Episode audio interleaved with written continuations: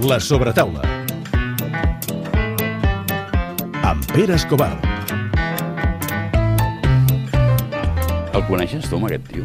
No, home, sí, qui no el coneix? Jo crec que... qui- El Jo... coneixes bé? No, no, No, no, evidentment conèixer-lo bé, no? I, anava a dir, qui no el coneix fent un dels esports que poder fa 20 anys no coneixia ni el Tato a Catalunya. Uh, som al car de Sant Cugat, és el primer de les no sé quantes entrevistes que hem fet que no la fem al bar, això vol dir que, que ens estem fent gran. Um, no diré quin esport practica, perquè si ho dic ja tothom sabrà qui és. Um, sí que us he de dir que és una de les persones que el seu nom va associat amb, amb l'esport, com dic, un dels menys mediàtics que podem conèixer, que és un il·lustre perico, també, que va complir un somni que era d'anar a unes Olimpíades i ho ha fet. Eh, vaja, tot un personatge, ens trobem cara a cara amb l'Ander Mirambell. Com estàs, Ander? Molt bé, molt content i ve- veig ben acompanyat avui. Molt ben acompanyat, ja t'ho he dit, que és, és un dels luxes que em dona la meva feina i és, és, un, és un regal. Però no parlem bé d'ell perquè es creix i després...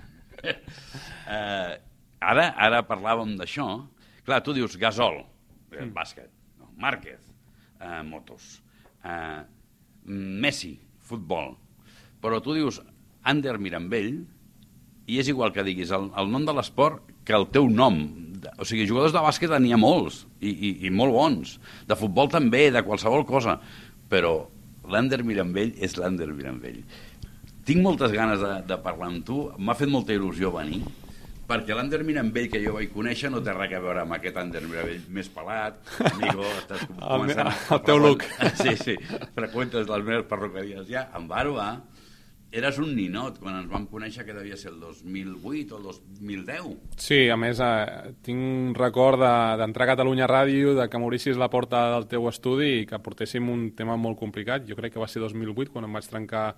O 2000, entre 2006 i 2008, eh, quan em vaig tenir, un, no sé si la clavícula o el dit, i vam tenir un problema amb les assegurances i, bueno, la vam liar una bastant grossa amb la Federació Catalana i, i aquestes coses. És a dir que, bueno, la veritat és que eh, l'Ander d'aquell moment potser era un under una mica, bueno, bastant més cabraboja que el dia d'avui, amb la il·lusió d'anar a uns Jocs Olímpics i disposat a passar a pagar qualsevol preu, i ara, després d'uns quants anys, doncs hem evolucionat. Molt. T'has convertit... T'he anat seguint... Eh, quan, quan hem arribat ens hem trobat el Joel. Mm. Anava amb patinet. Sí. Eh, campió de tot, Sí, de sí. taekwondo i això. Va. Dic, què fots amb patinet? Encara prendràs mal. Diu, vaig a Barcelona. Dic, hòstia, no aniràs amb això. Diu, no, no, vaig amb tren i tal. I li he dit una cosa que et diré a tu ara. Li he dit, no, no agafeu consciència, els cracs, de lo feliços que podeu fer arribar a gent que millor ni coneixeu o no hi penseu amb els vostres èxits. I eh, tu, amb, amb mi, amb tu et passa. Jo quan llegeixo alguna de l'Ander, hòstia, em fa feliç. Segurament perquè vaig conèixer l'Ander nen, Sí, sí, a, Peque. a, a l'Ander Jeta, eh? perquè, perquè s'havia de tenir molta jeta per proposar-te el que tu et vas proposar. Però s'havia de ser molt, molt espavilat. Sí, tu volies anar a jocs. Sí, sí, anem, sí. Anem, comencem pel principi. Tu volies anar a jocs, fos com fos. Llavors, er- eres atleta, també, Sí. també pintaves pisos, també feies de Sí, taxista. de feies, tot. Feies de tot. Sí, sí. I vas dir, hòstia, qui- quin forat tinc? Com a atleta no hi aniré. Vas repassar els esports, Skeleton. Skeleton, baixar de cap per un tub de gel a 140 km per hora. Algo que es fa cada dia a la- Barceloneta. Collonut, sí. Ah, és que, mira que han passat anys, n'han passat més de 10, eh? Jo continuo flipant amb això. Jo continuo flipant. Eh, has pensat, suposo, en aquests 10 anys, alguna vegada d'on vens, Sí. eh, i, i no sé si has fet una reflexió de, de com se'n va arribar a acudir això. Bueno, reflexió, intento traslladar- traslladar-me una mica al 2005, on, te, on te va sortir, sorgir la idea i de- d'un dolor molt gros, de- d'un moment molt dur, on havia mort un company d'atletisme i company del col·legi tota la vida, ho havia estat amb la parella tota la vida, una, com, no sé, jo crec que la paraula depressió és molt forta, per tant no vull que, dir que fos una depressió, però sí un moment d'un buit personal molt gran. I vaig veure un dia la pel·lícula d'uns jamaicans que baixaven en trineu, que es diu Elegidos pel Triunfo, de Walt Disney, i per què no puc anar jo a uns Jocs Olímpics? D'atletisme puc anar un campionat d'Espanya, he competit internacionalment, no guany, no seré mai campió d'Espanya de proves combinades perquè no tinc la genètica, doncs, ara que estic estudiant CAFE, que abans es deia INEF, doncs me'n vaig una setmana a Àustria, provo l'esport i una experiència més, no? He saltat en paracaigudes, tinc el títol de submarinisme, m'agrada molt el karting, bueno, anem-ho a provar i, i quan vaig estar allà i vaig veure que realment podia anar a uns Jocs Olímpics perquè el meu nivell inicial era bastant competitiu respecte a la gent que anava als Jocs Olímpics, doncs tots els diners que tenia estalviats per un cotxe i per diferents coses els vaig invertir durant dues temporades en el somni d'anar a uns Jocs Olímpics. Amb la mala sort, però jo crec que és bona sort que la primera baixada o les primeres baixades vaig acabar al quiròfan amb un dit penjant i em vaig operar. Li vaig dir a la meva mare que jo tenia el somni dels Jocs Olímpics i amb una de les coses que potser més m'han impactat, que és quan fan cerimònies, a Àustria doncs paren, es treuen el gorro, tots miren la bandera del que ha guanyat, van parar un moment a l'acte de cerimònia i van dir, bueno, desitgem a l'Ander que es recuperi, que torni el dia demà i qui sap si el veurem en un pòdium, no? I aquelles paraules del, del senyor de 70 anys, mite de, del món de l'esport de gel, em van impactar i, bueno, que tinc un dit penjant no vol dir que em fallin les cames, perquè no puc continuar intentant-ho, no? I així fins anar al 2010 als Jocs Olímpics de Vancouver, 2014 a Sochi, 2018 Pyeongchang i, i amb la idea d'intentar estar a Beijing el 2022. Em sembla digne d'una pel·lícula. T'ho dic de veritat, perquè és, és allò, és, és tenir un somni i lluitar per aconseguir-lo. També és un somni una mica de, de, després d'una bona castanya a la nit Sí, o sí, un sí. parell de petes, eh? però, però sí, sí, perquè és un somni una mica estrafolari. Però clar, tu volies anar a un, sí. a un jocs i, i aquest, aquesta era l'escletxa que et quedava. Eh, a mi em va impactar que algú que tingués una il·lusió tan gran i que tingués tants pocs mitjans, Mm. jo sempre dic que amb menys mitjans es treballa més bé, perquè t'obliga a, a aplicar l'enginy, no? Clar, quan no tens pasta i, i tens un problema, tu l'has d'encarar igual, que el que té molta pasta i pot anar a comprar la solució. Uh, tu vas anar al xino a comprar-te un ratllador de formatge perquè no tenies sabates amb, per rascar el, el. Sí, va ser així, vam agafar amb l'Alberto, el Rafaelo, que érem en aquells moments, vam construir unes sabatilles de, amb un ratllador de formatge, entre les de claus de latisme vam enganxar el ratllador de formatge i la part de darrere un paper de vidre i, i amb això vam anar a Àustria, a Innsbruck, eh, ens vam presentar allà i l'homologació del material va ser un autèntic show perquè els brasileños volien les sabatilles per fer unes caipirinhas, imagina't. Va ser tan heavy que l'endemà o al cap d'uns dies va venir un diari tipus La Vanguardia, o més o menys, eh, i va fer un article que deia flamenco la pista bobsleigh a, doble, a pàgina, una mica aquesta expressió, estem parlant del 2005, és a dir, que va ser l'exemple de dir, bueno, no puc, val, no puc, però jo puc intentar fer alguna per intentar-ho, no? És a dir, que al final ens quedem molt amb les conseqüències i no amb l'esforç per arribar. I, de fet, moltes vegades em truquen, "Ah, anem a fer una xerrada de motivació per l'empresa, no sé què, i dic, bueno, de motivació, però crec que potser és més convenient fer-la de creativitat. Eh? Creativitat, sí, crear solucions als problemes, que és el que tu vols. No, jo vull engrescar la gent. Sí, els engrescarem, però deixa'm fer-ho des de la part creativa. Mm, Quins problemes teniu? Doncs pum, pum, pum, pum, pum, i ja que parlarem de que sou collonuts, de que sereu déus, el que vulguis. Però això ajuda menys. L'important és intentar aprendre a resoldre els problemes. Estic d'acord amb tu. És, és això, és el camí, eh? El camí, sí, És sí. el camí, home, és igual. el camí, el premi és important, és a Home, dir, home, clar, però... A tots ens agrada guanyar, Ander. Sí, sí. Però bé, escolta, parlem d'esport. De, de, d'esport. Clar, has, has parlat tres o quatre vegades d'entrenar, no? Mm. Sí. Eh, eh, I d'entrenar, no veig cap pista d'esqueleton. Encara, encara, mai se sabe, però- Bueno, no, no, és un projecte. Si se't fot a les seves, segur que demà Home, passat no. la veurem baixar per aquí. Però, però... Com entrenes? Doncs mira, aquí baix tinc un trineu amb rodes, després, eh, si fa falta te l'ensenyo, és un trineu que té unes rodes de patí en línia, amb la que també amb la tècnica de sortida, amb el Bernat Buscà, que és el, el meu operador físic, que, que havia sigut profe meu al, a la universitat i que és, que és de matador, doncs treballem la part més física, més de preparació, més de, de sprint, com si fos un velocista.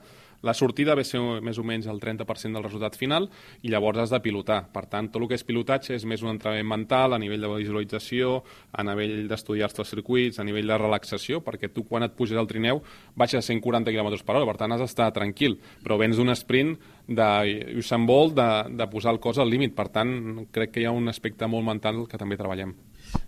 Has, has parlat amb gent d'altres esports? T'ho dic perquè Guardiola, per exemple, mm. una de les dèries que tenia, no sé si, suposo que la deu mantenir perquè és molt obsessiu, era mirar altres esports, aviam com solucionaven problemes concrets. Eh, clar, tu em parles d'Usain Bolt, eh, em parles de la velocitat, i, immediatament he, parlat, he pensat en el Márquez, vull dir, un tio que va a 300 km per hora o, o està relaxat Sí, sí. i fa que el temps, o sigui, fa que tot passi a càmera lenta perquè li dongui temps de, de fer les coses, Per tant, suposo que tenen unes solucions que a tu t'anirien bé. Sí, de fet, és una de les coses que m'agrada parlar amb altres esportistes. Des del Marc Gené, quan me'l trobo per aquí, i el 2008 em va dir com en treballava, treballava el coll, i vam crear uns, una mena de simulador semblant al seu de Ferrari per treballar les forces G del coll, fins a l'última aventura que va ser molt mediàtica i que la gent encara riu és treballar amb la hipnosis, com ha fet Tiger Woods i ha fet d'altres esportistes. És a dir, sempre intento buscar recursos. De fet, una de les altres coses que també vaig fer, que aquesta va ser una mica idea esbojarrada abans dels Jocs del 2018 de Pyeongchang, em vaig presentar un càsting de màgia de televisió espanyola amb l'objectiu de sortir de la meva zona de confort, d'intentar fer el menys ridícul possible davant d'un jurat eh, per veure com responia el meu cos en una situació extrema, perquè dic, si em passa alguna cosa als Jocs Olímpics de Pyeongchang, doncs que tingui la capacitat d'estar fora de la zona de confort amb una seguretat. I llavors doncs, bueno, vaig fer un curs de màgia de 3 mesos, vaig preparar un parell de, de shows, em vaig presentar al càsting allà a Media Pro i vaig aparèixer allà. Ander, mírame, però tu eres el del esqueleton, no? Diu, sí, sí, eh, pues ja puede empezar su show. Vaig fer el show i quan vaig acabar diu, bueno, no, no cal que m'avalueu, ja m'avaluo jo. Eh, moltes gràcies, estic aquí perquè volia viure l'experiència de passar-ho malament durant una setmana davant d'un repte quasi impossible, que és entrar en un programa de, màgic, de mags professionals. Per tant, jo crec que respon una mica a la teva pregunta, no? Sí, sí, Buscar, no, no, no, buscar absolutament. coses que em serveixin per entrenar sense tenir els recursos. M'apassiona perquè continua sent aquell ninot aquell ninot que es comprava ratlladors de formatge per les sabates. Sí. Però això jo, jo ho entenc, val? Perquè, perquè és allò que dèiem, no tinc recursos, me'ls invento. Mm. I si no és exactament el que es necessita, s'hi assembla molt, és a dir, em farà viure una situació semblant. Jo ho entenc perfectament. La gent ho entén? Perquè tu, tu has dit, hi ha hagut un moment que has dit eh, la gent es va fotre un far de riure. La gent ho entén? És que no em... És igual, se te'n Santo de carinyo, sí. És a dir, jo... M'encanta No, jo accepto, no. accepto les crítiques i accepto els comentaris, però desgraciadament o afortunadament la meva vida l'he vist jo, i llavors eh, haig de fer les coses que em facin feliç, que crec que puguin ser útils, hi ha coses que són menys útils que altres, però tot, tot aporta alguna cosa. És a dir, la hipnosis, ostres, la hipnosis no em soluciona la vida, però són eines que tinc pel dia de demà doncs, eh, poder superar el dolor o poder treballar doncs, eh, la intuïció, que és perquè el, perquè el feia servir. I, de fet, gràcies a aquest camí i a aquests estudis que he fet, doncs he descobert eh, altres coses de la vida que poden ser interessants. És a dir, que bueno, mm, funciona o no funciona, ja ho veurem. Què diuen la gent o no? Doncs, bueno, eh, bon dia, que tingui un bon dia i, i gràcies pel comentari. Eh, no, no, m'apassiona, de veritat, perquè, perquè és com ha de ser, però això t'obliga a tenir una personalitat extraordinària.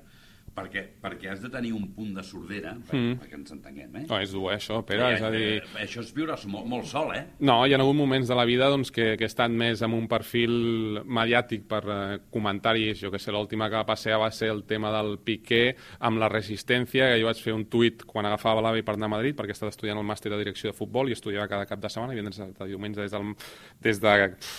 Bueno, va ser duríssim. I vaig enviar el missatge al lavabo rentant-me les dents a les 6 del matí i arribo a Madrid i tenia mitjans de comunicació esperant-me que, que pensava com a ambaixador de l'Espanyol les declaracions del Piqué dient que, que el Borja no marcaria un gol, no sé com era. I clar, doncs, bueno, en aquell moment doncs, eh, el cor se'm volia sortir per la boca, però ja que has fet el tuit, dones la cara als mitjans de comunicació, dius el que penses i, i no passa res. Per tant, sí que hi ha moments que, que estàs en situacions bastant incòmodes que potser jo vull fer el meu comentari dient doncs, que el Piqué s'ha equivocat, de que segur que és molt bona persona, però com a esportista respectar la rivalitat. I aquest era l'objectiu, però clar, mmm, algú aprofita de que ningú ha parlat de l'Espanyol i, ostres, Ander, ningú del club ha parlat. Surts tu i trobes amb, amb el marrón, no? Però bueno, vam sortir bé d'aquesta. Quants jocs et queden? Un? Bueno, intentarem arribar als següents. Eh, és el 2022, dependrà una mica de si el cos respon. Sí, no, però Pere, sí, però no, aquí està la gràcia. No és fer, és competir. I, i mentre sigui competitiu aniré. A més, estem al projecte doncs, de que han he engegat amb, amb la federació un projecte Operació Skeleton, que vam tenir 110 sol·licituds de gent que volia fer Skeleton. A tenir-ne una! A 110, sí, A sí. 110? Els he donat la pesa del xino. s'esforrarà. Uh, I d'aquests 110 ens hem quedat amb 11 i dels últims, d'aquests 11 hem passat 3 al projecte que comencem aquest any, farem una pretemporada junts, hem demanat els seus trineus, així que els estic donant un cop de mà. Tenim dues noies d'aquí a Catalunya, la Paula de Manresa i la Clàudia Molins, un noi de Santander, l'Adrián, i fem la pretemporada junts, a veure com surten, si surten vius, surten sencers, i amb l'objectiu de que no vagi sol als propers Jocs Olímpics, que és una de les il·lusions que tinc, no? És a dir, crec que el... hi ha una cançó d'Oasis que es diu The Master Plan, doncs d'aquest gran plan eh, seria magnífic intentar-lo tancar doncs, eh, amb la següent generació als Jocs Olímpics i que pugui estar amb ells. Això és un porro, tio. Això, de veritat. Sí, sí, home, de veritat, de veritat. Per És que em què? sembla, em sembla la pel·lícula de Disney. O sigui, la, la pel·lícula de Disney que van fer de, dels jamaicans, sí. però, però aquesta era de riure, no, no, em, em sembla es, espectacular. O sigui, és un tio que s'inventa un futur que no existeix perquè té una il·lusió que és impossible. Em tancaran, Pere, que ritme, com faci aquesta... No, és veritat, aconsegueix la il·lusió, crea el futur i, a més a més, obre camí. Bueno, però aquest, eh, aquest crec que és la màgia de la nostra vist- vida. És a dir, si jo em plantejo, com Ander Mirambell, quin ha de ser l'objectiu quan em mori, és deixar una herència. Quin tipus d'herència pots deixar? L'econòmica, que aquesta la tenen els bancs, millor no parlar-la, la de coneixements, que pots fer un llibre o pots deixar coses fetes, i la de l'experiència. I la meva experiència d'avui, un 70-80% és d'Skeleton. A mi em seria molt de greu que a casa nostra aquesta experiència desaparegués. És veritat que m'han trucat d'altres països per fer d'entrenador, i els dic que no, perquè a mi m'agradaria que a casa nostra s'aprofités aquesta Casa nostra experiència. és molt complicada, eh? També t'ho dic, eh? Sí, però és casa nostra, és a dir, abans de marxar i dir no torno, sí. almenys Sí, que sí. m'hagi deixat tot el que tinc per dir, mira, eh, us ho he deixat, no ha funcionat, jo me'n vaig tranquil, és a dir, no passa res. És més un repte personal que no pot ser eh, algú de, de màrqueting o d'imatge o de... No, és algú personal. Tens els pares? No, la mare va, va morir ara fa un any, un any i mig, el 2018, i va ser dur, perquè el, el 2017, a veure si puc acabar l'explicació, el 2017 li van diagnosticar un càncer pel seu aniversari, que va ser el 12, del- el 12 d'agost, i el setembre començava la quimio. Aquell any era l'any preolímpic i olímpic, i al setembre em diu Ander, eh, bueno, vam anar al metge, ens va dir la metgessa, i aprofito per dir-ho, perquè la gent que treballa amb gent del càncer, metges, infermeres, és per treure's el barret, és a dir, són àngels i són herois, aquells sí que són o heroïnes, i li van dir doncs, que tenia un càncer molt avançat, amb metàstasi, que provarien tractaments experimentals i que no sabríem si arribaríem a l'estiu, i la meva mare em va dir, ella, com tan directa i tan professional com és, a més era metgessa, Ander, jo tinc un somni que és anar als Jocs Olímpics amb tu. Puah, em va caure una motxilla de pressió, setembre, que haig de competir, m'haig de classificar, que no és una classificació que et regalen, que has de guanyar a països importants, és a dir, has de lluitar amb Suïssa i guanyar-los. Eh, Bueno, doncs, eh, vinga, som-hi, ho intentem. I jo vaig fer tot el primer tram de quimio amb ella, passant 4 o 5 hores, la deixava al, al matí, m'anava a entrenar, tornava, la recollia, a vegades estava amb ella fent feina amb l'ordinador, és a dir, em va impactar molt, no?, tot aquell món del càncer, que és un món que la gent fuig i que la gent no, no vol veure, però que és una realitat molt dura i que existeix i que, que, bueno, que els envio una abraçada gegant a tots els que passen per això i treballen, no? I, bueno, va anar força bé perquè vaig aconseguir la classificació, amb la por de cada cop que trucava a casa no sabria si estaria la meva mare, em vaig classificar, ella va venir, eh, va ser un dels moments que potser més, més vaig plorar, perquè l'última baixada doncs, ella la tenia aquí al costat, la van posar en una zona VIP que li vaig aconseguir i, i bueno, veure que la teva mare està allà, eh, veient-te baixar en el moment més feliç de la teva vida, doncs eh, brutal, perquè ha estat en tres Jocs Olímpics conjuntament amb els meus pares i la meva família i poder-me despedir al cap d'un mes d'ella i compartir doncs, aquestes vivències crec que és una de les coses més boniques que m'ha donat la vida i que em, que em donarà la vida, no? poder compartir doncs, el moment més feliç de la teva vida, de la teva vida amb la gent que estimes i bueno, aquest és una mica la, la història d'aquest últim any i mig que ha sigut dur però bueno, mm, hem de seguir endavant encantat del, del pare que tinc que ens ha donat un cop de mà tremendo, dels meus germans de la família que, que, ens, ha, que ens hem recollit i ens hem estimat i et dones compte de que la vida és molt més que Skeleton, que feines, que l'Espanyol, que el Barça, quan, quan estàs tan cardat i necessites una abraçada i, i tens els teus al costat.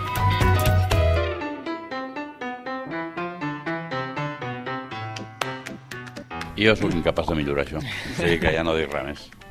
Ets, ets un mal parit perquè ara em deixes el, el, el, marronaco, el marronaco per mi. No, m'ha agradat molt l'entrevista massatge que us heu fet una a l'altra, eh? Uh, L'Ander uh, diu, diu, diu, si és que volia tallar una miqueta això, perquè si no jo tampoc aguanto. Eh, eh, diu que es prepara les entrevistes, que abans no ho feia, eh, te l'has preparada bé perquè l'has deixat, deixat fora de joc. Eh, realment és veritat que és una història de Disney, va començar amb una història de Disney, amb aquesta pel·li Escollits per la Glòria, és que no, és que és Eh, jo recordo haver-la vist fa mil anys, eh, d'uns pirats, sí, sí, uns, uns, pi- uns, uns... Home, doncs ja està. Ara estem fent publicitat al Netflix, tothom que hi vagi. I, aca i acabem amb, amb l'altra història de Disney, que és eh, futur per l'esqueleton d'aquí. Eh? Poder aconseguir que més gent mm, estigui xalada del cap i es tiri per un, uh, per un tubo de gel a 140. Eh, L'important és ser el número 1, és fer la feina uh, és fer la feina ben feta per aspirar a ser el número 1. Aquesta és la filosofia que jo crec que resumeix tota la idea esportiva de, de l'Ander. Més que um, un esportista diria que és un descobridor de noves tècniques, de nous camins, de noves coses, d'un ratllador per fotre-se els peus en lloc de uh, les sabates reglamentàries. I um, realment és veritat que és un tio superconegut amb un esport com l'esqueleton, jo crec que és un cas per, per estudiar um, que uh, sigui l'ambaixador de l'Espanyol gairebé, que li vagin a buscar declaracions a ell de, de, quan cap jugador espanyol parla, eh, vaja, que és, és, un, és un revolucionari, és el nostre revolucionari esportista en l'entrevista massatge. Entrevista, mira, eh, és el meu heroi, tio. Ara, ara. Estic molt content de Igualment, Pere, haurem de repetir més sovint, se'n fan curtes aquestes I si entrevistes. no anem a fotre fideuàs. Aquí, aquí.